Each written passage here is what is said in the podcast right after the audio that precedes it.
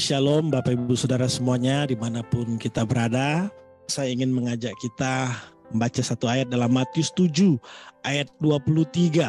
Pada waktu itulah aku akan berterus terang kepada mereka dan berkata, Aku tidak pernah mengenal kamu. Enyahlah daripadaku kamu sekalian pembuat kejahatan. Bapak Ibu dari ayat ini saya menjadi penasaran Kenapa Tuhan tidak berterus terang sekarang ini kepada mereka atau kenapa harus menunda untuk berterus terang kepada mereka dalam ayat ini?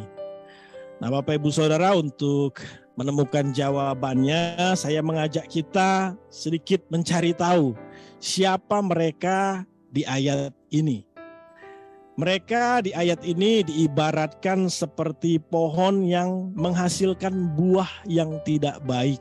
Sekalipun mereka bernubuat, mengusir setan, mengadakan banyak mujizat, namun mereka tidak menghasilkan buah yang baik.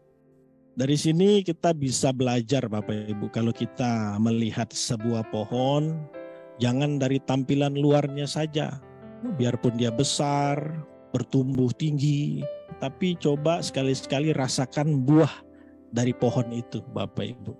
Sama halnya kalau melihat hamba-hamba Tuhan, pendeta, siapa pun dia, jangan hanya lihat dari tampilan luarnya saja.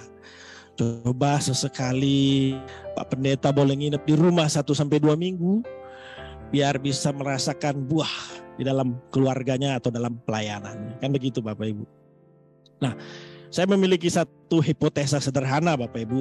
Mengapa Tuhan tidak sekarang ini berterus terang kepada mereka dari penjelasan saya tadi dari ayat Matius ini kalau kita baca keseluruhan satu perikop itu Bapak Ibu mereka ini telah mengabaikan hal terpenting dalam pelayanan yaitu menghasilkan buah yang baik. Tadi mereka melayani Tuhan loh Bapak Ibu bernubuat, mengusir setan, mengadakan mujizat. Mereka melayani Tuhan, tapi mereka mengabaikan hal terpenting dari suatu pelayanan, yaitu menghasilkan buah yang baik. Bapak Ibu yang sudah melayani Tuhan di gereja, di misi, atau di mana pun lah kita mengambil bagian pelayanan. Di satu sisi kita bangga dan bersyukur bisa melayani pekerjaan Tuhan, bisa melayani Tuhan.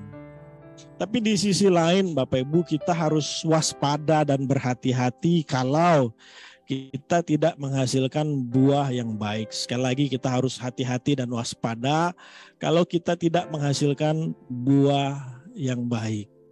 Saya pernah mendengar seorang hamba Tuhan berkata seperti ini, kalau Roh Kudus diangkat hari ini, maka gereja dapat tetap berjalan sebagaimana mestinya. Loh, kok bisa? Oh bisa Bapak Ibu, karena gereja memiliki sistem yang canggih, sistem yang baik yang dapat menjalankan gereja sebagaimana mestinya. Nah, tapi perlu hati-hati Bapak Ibu, perlu waspada. Sistem yang canggih yang baik bagus, tapi tanpa Roh Kudus tanpa kebenaran firman Tuhan, mustahil seorang menghasilkan buah yang baik. Karena itu Bapak Ibu, mari jangan berhenti menghasilkan buah yang baik. Setahu saya ada tiga buah yang harus dihasilkan oleh orang percaya. Buah yang sesuai dengan pertobatan, buah jiwa-jiwa ya dibawa kepada Kristus nggak cuma dibawa tapi dimuridkan. Lalu buah-buah roh. Ini yang harus kita hasilkan setiap hari. Ya, bukan pelayanannya yang paling penting, tapi menghasilkan buah yang baik itu yang paling penting. Jadi di mana pun Bapak Ibu Saudara ada, apa pun profesi Bapak Ibu Saudara, pelayanan Bapak Ibu Saudara melalui itu semua, jadikan sebuah sarana untuk menghasilkan buah yang baik.